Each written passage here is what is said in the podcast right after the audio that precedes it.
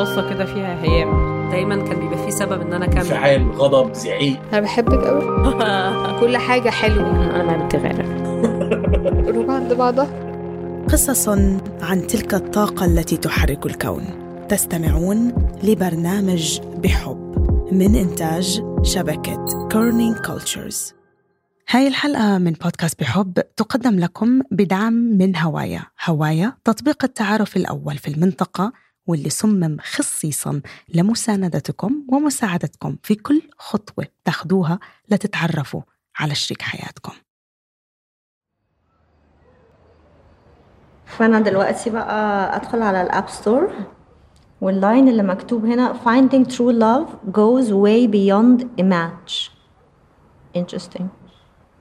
Choose your favorite photo. أوه حضرتي صورة ولا لا؟ لا. إيه ده؟ تخيلي إن أنا اتفاجئت دلوقتي إن أنا ما عملتش أي استعدادات. قولي لي وأنتي بتختاري الصورة ده- إيه ال criteria إيه اللي عايزاها في الصورة اللي بتختاريها؟ بصي أنا بختار صورة تكون recent ما تكونش بقالها كتير قوي.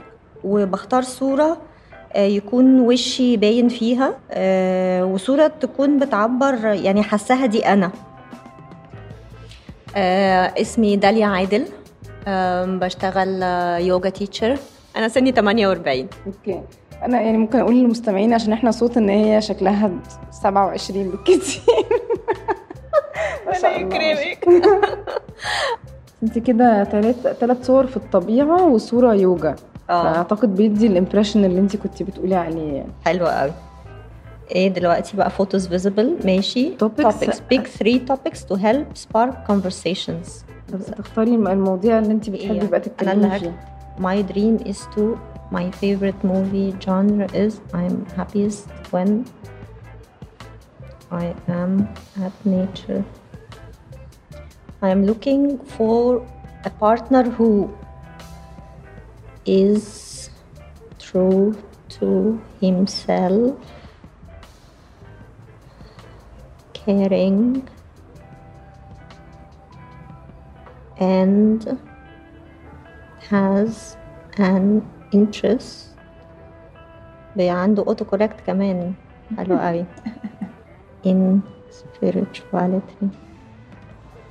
طب أعتقد إحنا كده وحطينا كل حاجة في؟ ال profile يعني في my preference و profile ي وال safety tips قريناها وال account لا، ده بس مفيهوش حاجة تتعمل ماشي.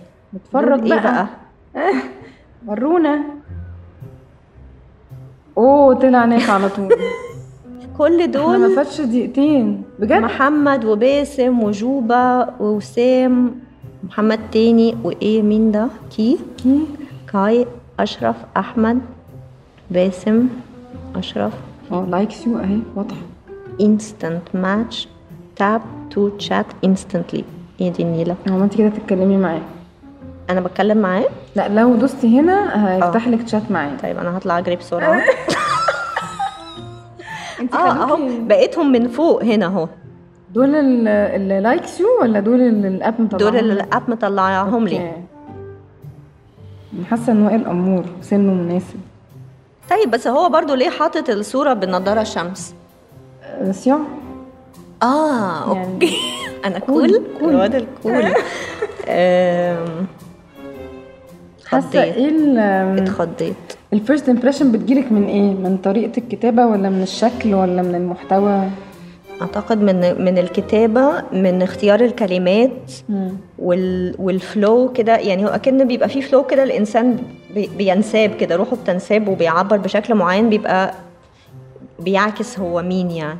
الصورة بقى برضو مهمة جدا فبحس إن أنا أكني بحط الاتنين مع بعض يعني زي اللي كنا بنبص هنا بتبصي على صورته وأنت سمعتوا داليا. منتجتنا هبة yoga. عفيفي كانت معها وهي بتاخد أول خطوة في طريق ترددت كتير إنها تاخده تطبيق تعارف اللي فيه بتقدر تختار بالضبط الشخص اللي هي بدها إياه بكل تفاصيله طوله شكله روحه شخصيته شو بيخطر ببالكم لما تفكروا بالحب؟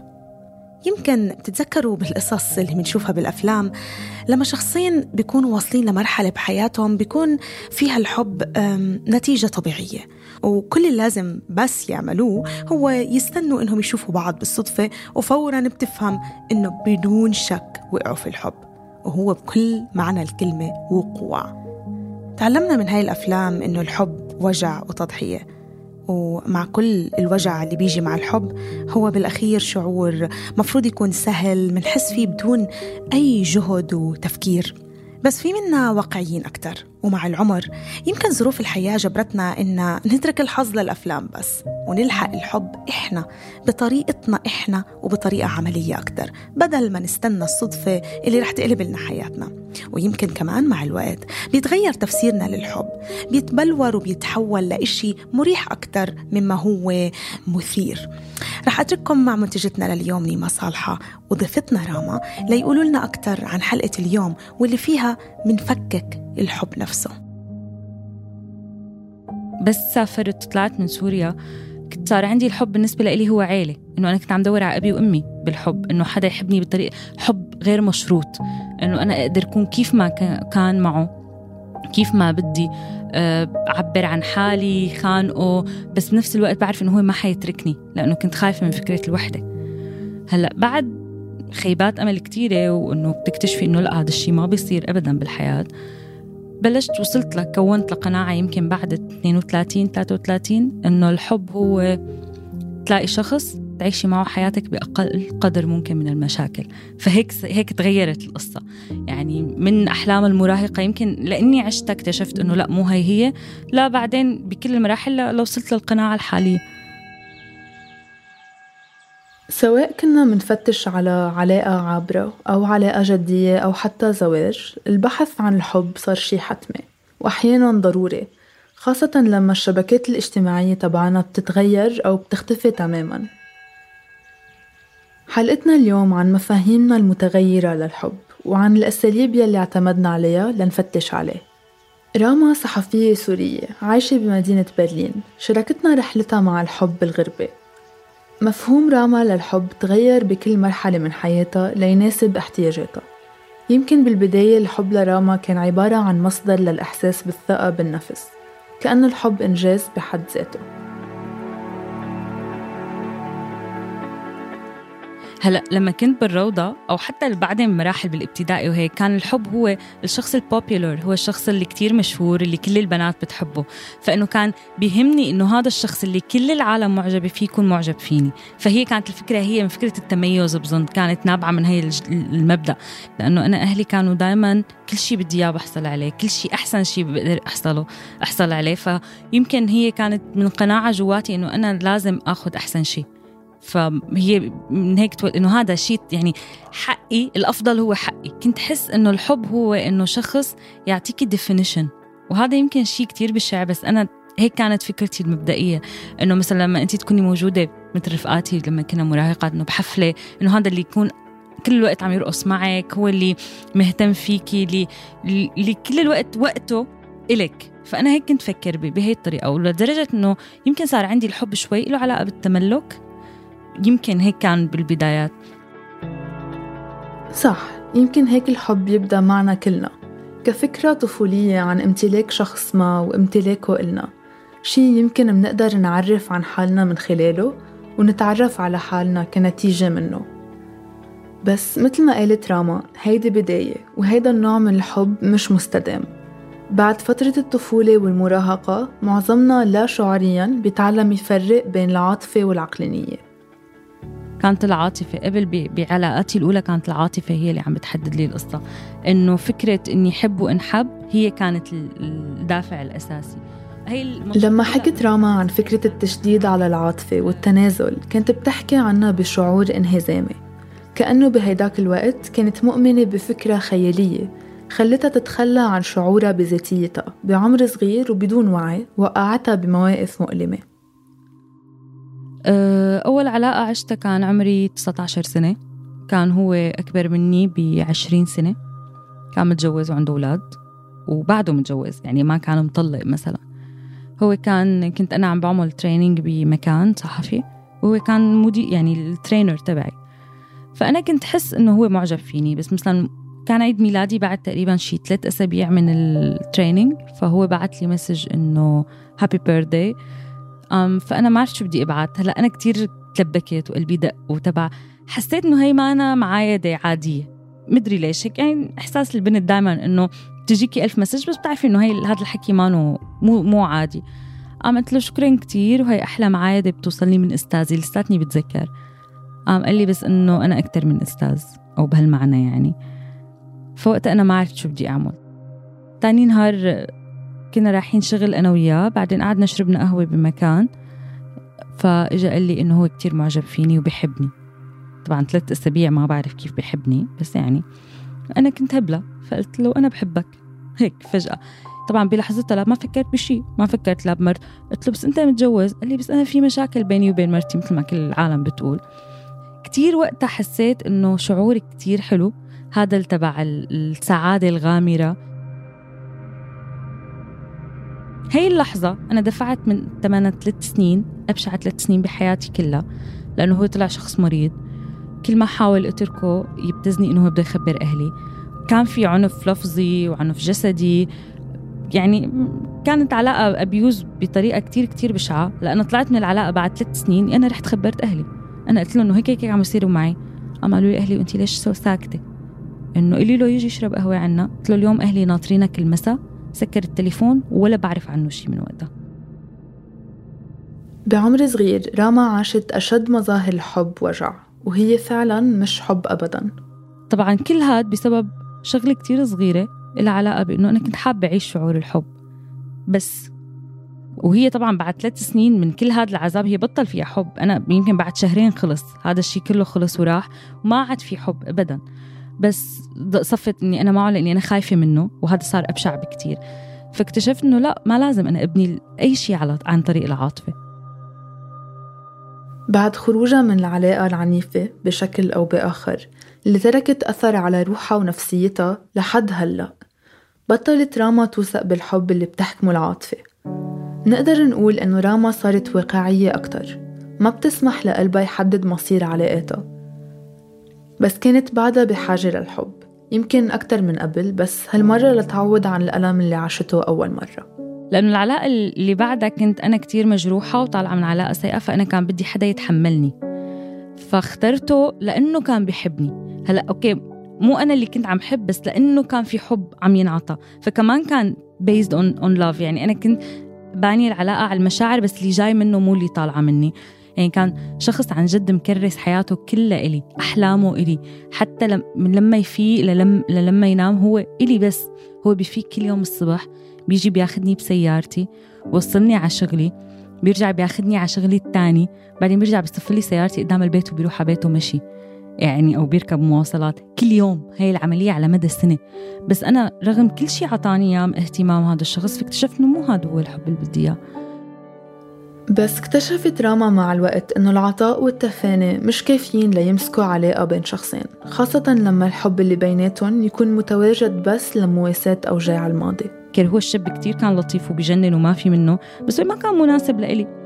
لا عمريا ولا فكريا ولا شيء بس كمان اخترته لأنه أنا كنت بحاجة مشاعر. مو لأنه أنا بحاجة مو لأنه هذا هو الشريك المثالي. وآخر شيء تركنا لأنه أنا أنا ضايقته. يعني هو ما بقى تحملني. فأنا ببساطة تحولت من حدا ضحية لحدا أبيوزر بعلاقة بعدها لأنه كمان بنيت على على أساس المشاعر مو على أساس العقل. بسبب الحرب اضطرت راما تترك سوريا من حوالي ست سنين وتهاجر على ألمانيا. هونيك انقلبت حياتها تماما وتغيرت ظروفها الشخصية والاجتماعية. مثل كتير شباب تغربوا البحث عن علاقة بتكون مرتاحة فيها ازداد تعقيد. لقيت راما حالها غريبة ووحيدة ببلد جديد. إله ثقافته وعاداته وشخصيات إلهم خلفية ما بتمط بصلة بخلفيتها.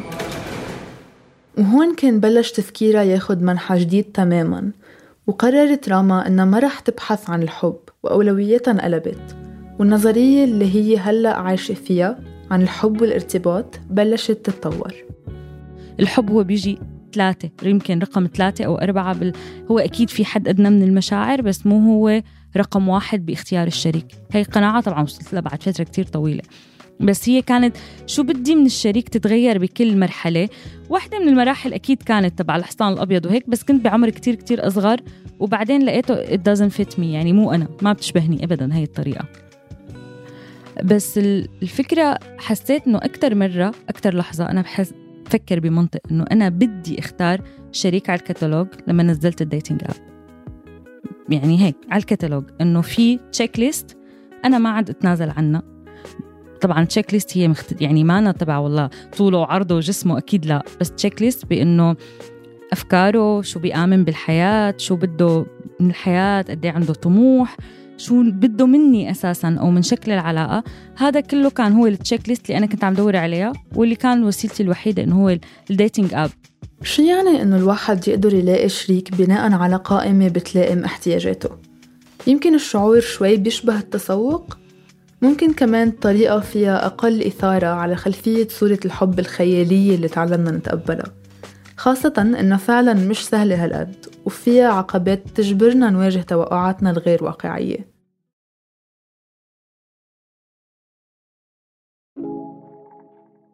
في مرة كتبت إن على ال profile بتاعي إن أنا نفسي يكون في حاجة بتخلي الشاب والبنت وهم قاعدين مع بعض في أول مقابلة يكون في زي مجموعة أسئلة بيجاوبوها سوا ويبدأوا يشوفوا قد إيه هم متوافقين مع بعض. آه وبعدين لقيت سامح صالح بيكلمني وبيقول لي إن هو بيفكر في نفس الشيء بس already شغال عليه وبيفكر إن هو يعمله بشكل application أو تطبيق. فعجبتني جدا الفكرة وقال لي يعني لو تحبي تنضمي لينا في في الفريق. قلت له طبعا راح يعني أحب جدا ده. وبدأنا بالفعل نفكر إن إحنا نعمل هواية. رح ناخد منعطف قصير هون ونرجع بعدين لقصة راما. هيدي شيماء علي. شيماء شريكة بتأسيس تطبيق هوايا. قبلتها زميلتنا هبة عفيفي ومن خلال حديثنا معها شوي قدرنا نشوف ونفهم التفاصيل الدقيقة يلي بتفوت بصنع تطبيق تعارف والأشياء يلي الناس بتفتش عليها بعلاقاتهم. كيف ممكن تتحول مفاهيم مركبة مثل التوافق التفاهم والحب لأسئلة وأجوبة وألغوريثمز أو مثل ما قالت راما كيف منقدر نختصر شريكنا بتشيك ليست وصفت لنا شيماء كيف بلشت هي وزميلها ببناء هيكل تطبيق هوايا. باستشارة من خبير علم نفس وأبحاث عملوها ساعدتهم على اختيار أسئلة بتتوافق مع احتياجات ورغبات المستخدمين.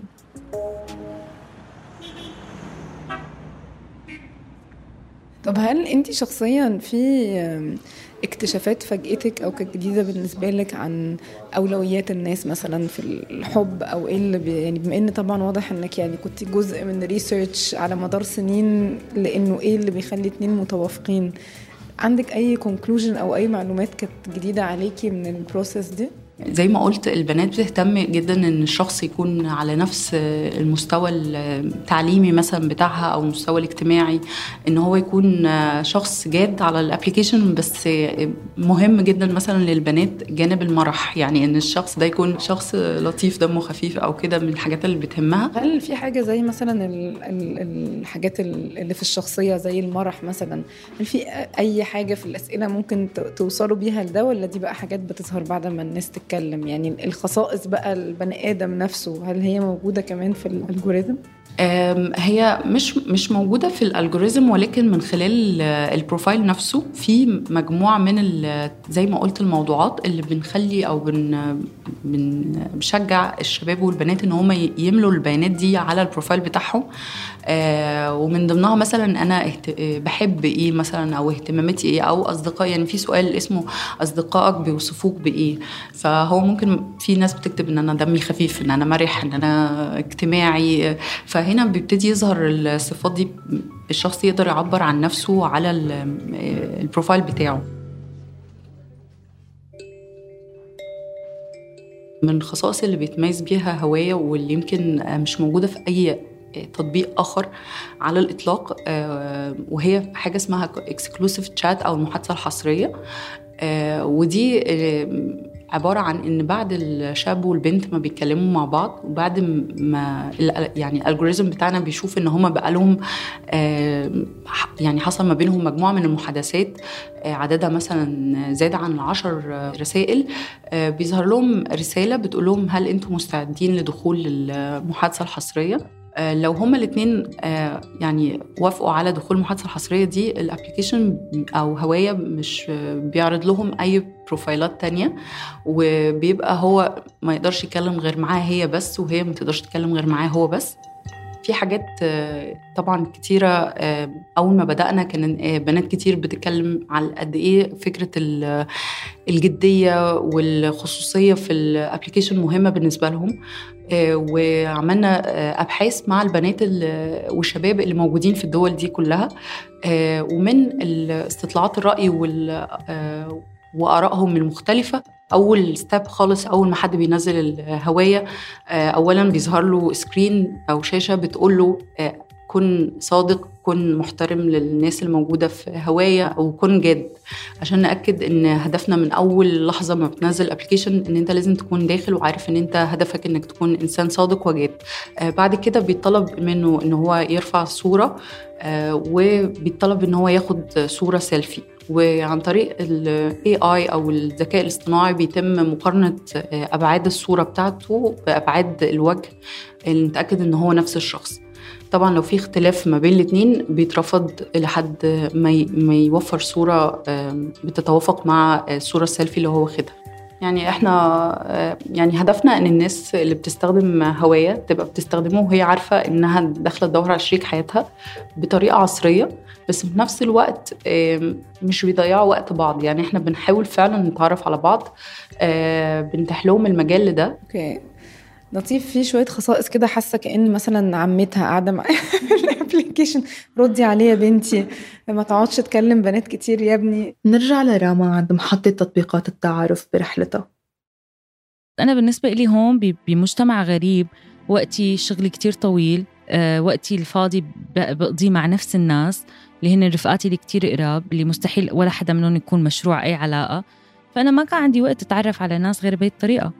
أول فترة أنا ما كنت أفضل قصة جد كنت عم بعتبرها وسيلة لأتعرف على ناس جداد. فكنت مثلا نزلت ال app مثلا شي شهر اطلع date واحد احكي مع شي ثلاثة أربعة ما أطلع شوفهم. وسكره مل ارجع بعدين مل. ارجع أفتح ال app. فضليتني على هي الحالة on off تقريبا شي سنتين لحد ما يعني التقيت بشريكي آخر شي. أي حدا بجرب ال dating apps أو تطبيقات التعارف بيشهد على الإحباط يلي بيشعره الواحد لما يقابل شخص ما بيناسب الوصف الموجود على التطبيق. حكت لنا راما عن المواقف اللي مرت فيها بمواعيدها اللي قابلتهم من خلال التطبيقات. مرة أنا طلعت ديت مع واحد فجأة هو ألماني قرر إنه بده يحجبني بس لأنه أنا هو كان بده وحدة تقعد بالبيت وتجيب له أولاد.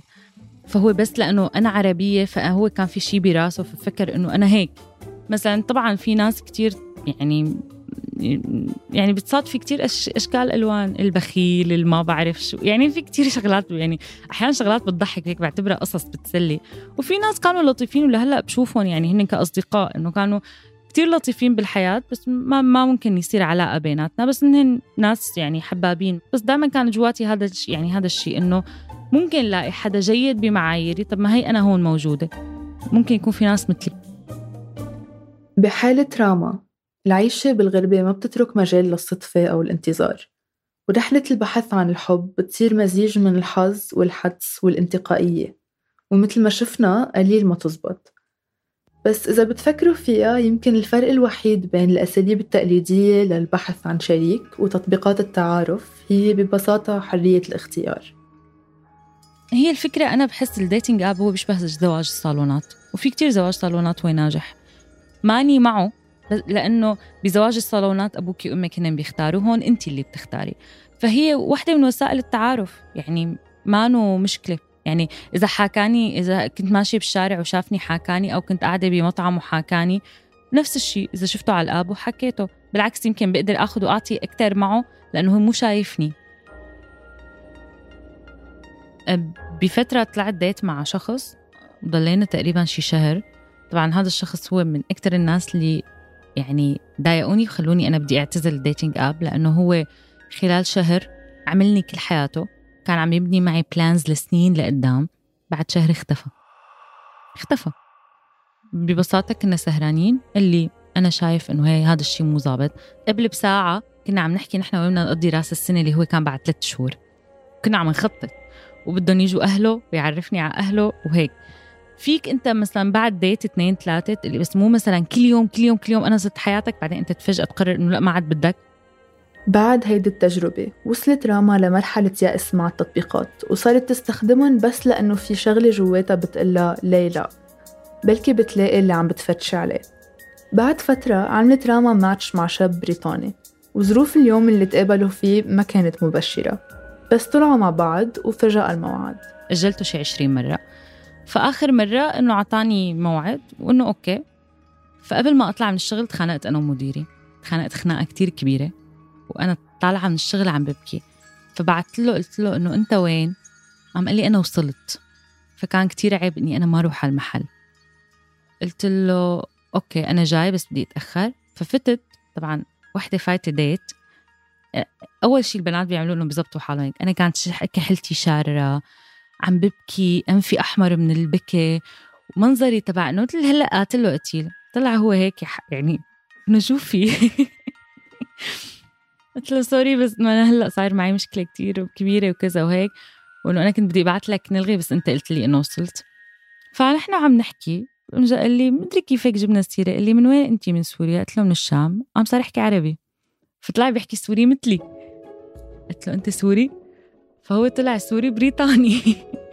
وهو يعني بيحكي عربي مكسر شوي بس إنه هو at least عنده اللغة تبعي. فأنا كانت بالنسبة لي هي الإشراقة الأولى إنه أنا وياه بنقدر نتفاهم نفس اللغة. بعدين صارت القصة يعني. بال بالقائمة هو في كل ال checklist اللي أنا بدي إياها. وحده شغله كتير منيح. وسيم إلى حد ما. عنده طموح كتير كبير بيحكي لغتي وهي كانت شغلة كتير مهمة بالنسبة لإلي لأنه أنا بعد شوي بصير بفقد الاهتمام إذا بدي أحكي بلغة تانية إذا أنا تعبانة أو شيء وهو بيفهم طبيعة حياتي بيفهم ال background اللي أنا جاي منها بيعرف شو يعني شرق أوسط بيعرف شو يعني حرب هو فاقد قرايبينه بالحرب بسوريا بيعرف كتير شغلات. بس هو بريطاني هو بفكر ب mentality أوروبية هو الصح والغلط عنده هو open minded فهو كان كتير بالنسبة إلي في كل ال checklist اللي أنا بدي إياها. وقتها قررت إني بلش أشتغل على العلاقة يعني أنا أكتر علاقة هي مبنية على عقل هي علاقتي اللي أنا عايشتها حاليا. لما نفكر بالحب والعلاقات يبدو أنه الموضوع بفسر نفسه بنفسه.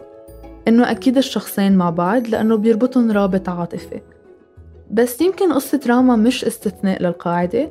ويمكن البحث عن الحب ما بصير بالتسلسل اللي بنتوقعه دايما. بعلاقة راما الحالية عقلها كان متحكم وشوي شوي من غير ما توعى بلش قلبها يتحرك. هلأ أول مرة بحس إني أنا بحبه بحبه عن جد؟ أول مرة بحس إنه أنا بحبه كانت هي تقريبا من شهرين. يعني أنا وياه كان إلنا سنة وثلاث شهور مع بعض. في لحظة صارت emotional معي بحياتي. فكان في مجموعة كتير كبيرة. أنا حسيت إنه هو بس الوحيد اللي بدي يكون جنبي. فوقتها أنا من قلبي قلت له أول مرة إنه أنا بحبك. قام هو قال لي وأنا كمان. حسيت إنه هو حضني بهي اللحظة اللي كانت كتير emotional مع إنه هو كان ما رضيان عني أبدا.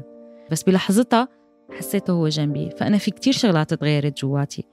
صرت أحس إنه إيه مو بس ال checklist كمان مشاعر إنه هذا شخص في شيء emotionally أعمق صار. بس هذا ما كان من يعني قبل بسنة ونص أنا كان فيني أتركه بأي لحظة لأنه أنا ما كنت عم حاول قوي مشاعري. كنت دائما عم بمنع حالي وأنا عم بدرس. يعني مثل هو case بعيدة أنا عم شوفها من كل الجهات قلبها بكل تفاصيلها. ما أتورط فيها عاطفيا. بهي اللحظة لما احتجته وحسيته جنبي فحسيت إنه إيه هذا emotionally بقدر أعطيه. من جواتي. أخذت القصة سنة ونص بس أنا بشوف إنه هذا الشيء كان كتير صحي. أنا بحس المشاعر بتبلش صغيرة وبتكبر. لما تكون كبيرة بتخليكي تنعمي ما بقى بتشوفي. أما هون لا لما أنت تبني المشاعر step by step فبصير في آه بتصير أحلى وبتصير أنضج. لأنه أنت لما تكوني حابة كتير وبتكون مشاعرك كتير كبيرة بعدين بس تشوفي العيوب بتصير بتصغر بتصغر بتصغر بعدين ببطل في حب. أما لما تكوني بتعرفي الشخص بكل عيوبه وتحبيه بعيوبه فوقتها هي المشاعر بتكبر بتكبر وبتكون العلاقة أصح. هاي الحلقة من بودكاست بحب تقدم لكم بدعم من هوايا. هوايا تطبيق التعارف الأول في المنطقة واللي ساعد أكثر من عشرين ألف شخص في إيجاد شريك حياته. رسالة من هوايا داعمي الحلقة. تعمل هواية على توفير منصة آمنة وجادة لجميع العزاب. وتساعدهم على مقابلة توأم روحهم بطريقة تتلائم مع ثقافتهم وعاداتهم. يمكنكم تنزيل تطبيق هواية وأن تبدأوا في بناء علاقات هادفة مع عزاب جادين مثلكم يبحثون عن شخص يشاركون حياتهم معه. انقروا على الرابط الموجود في وصف الحلقة لتنزيل تطبيق هوايا والعثور على شريك حياة يتحدث نفس لغة الحب التي تتحدث بها أنت. مجتمع هوايا متنوع ويضم أكثر من أربعة ملايين عازب مع ميزات مثل التحقق من الصور الشخصية وإمكانية حجب الصور والمحادثة الحصرية. يمكنك تنزيل هوايا اليوم مع العلم أن رحلتك إلى التعارف والزواج في أيد أمينة. اتبع قلبك واعثر على الشريك المثالي لك بشروطك الخاصة. فقط اضغط على الرابط في وصف الحلقة لتحميل تطبيق هوايا. حلقة اليوم من إنتاج نيمة صالحة ودينا سالم وهبة عفيفي وألمان تابلي التصميم الصوتي لسارة قدوري وبول ألوف. فريق التسويق بيلا إبراهيم وسمية أبو عبد الله. بودكاست بحب من إنتاج شبكة كيرنينج كلتشرز ما تنسوا تشتركوا بالقناة وتضلكم متابعينا. وآخر طلب للمستمعين إذا حبيتوا الحلقة ما تترددوا تشاركوها مع أصحابكم وأصدقائكم وتتركوا لنا تقييمكم وتتركوا لنا كمان رأيكم. لأن التقييم والرأي بيسهل كتير إنه الناس تلاقينا على منصات بودكاست أكتر. بلاقيكم الأسبوع الجاي في حلقة جديدة من بحب. باي باي.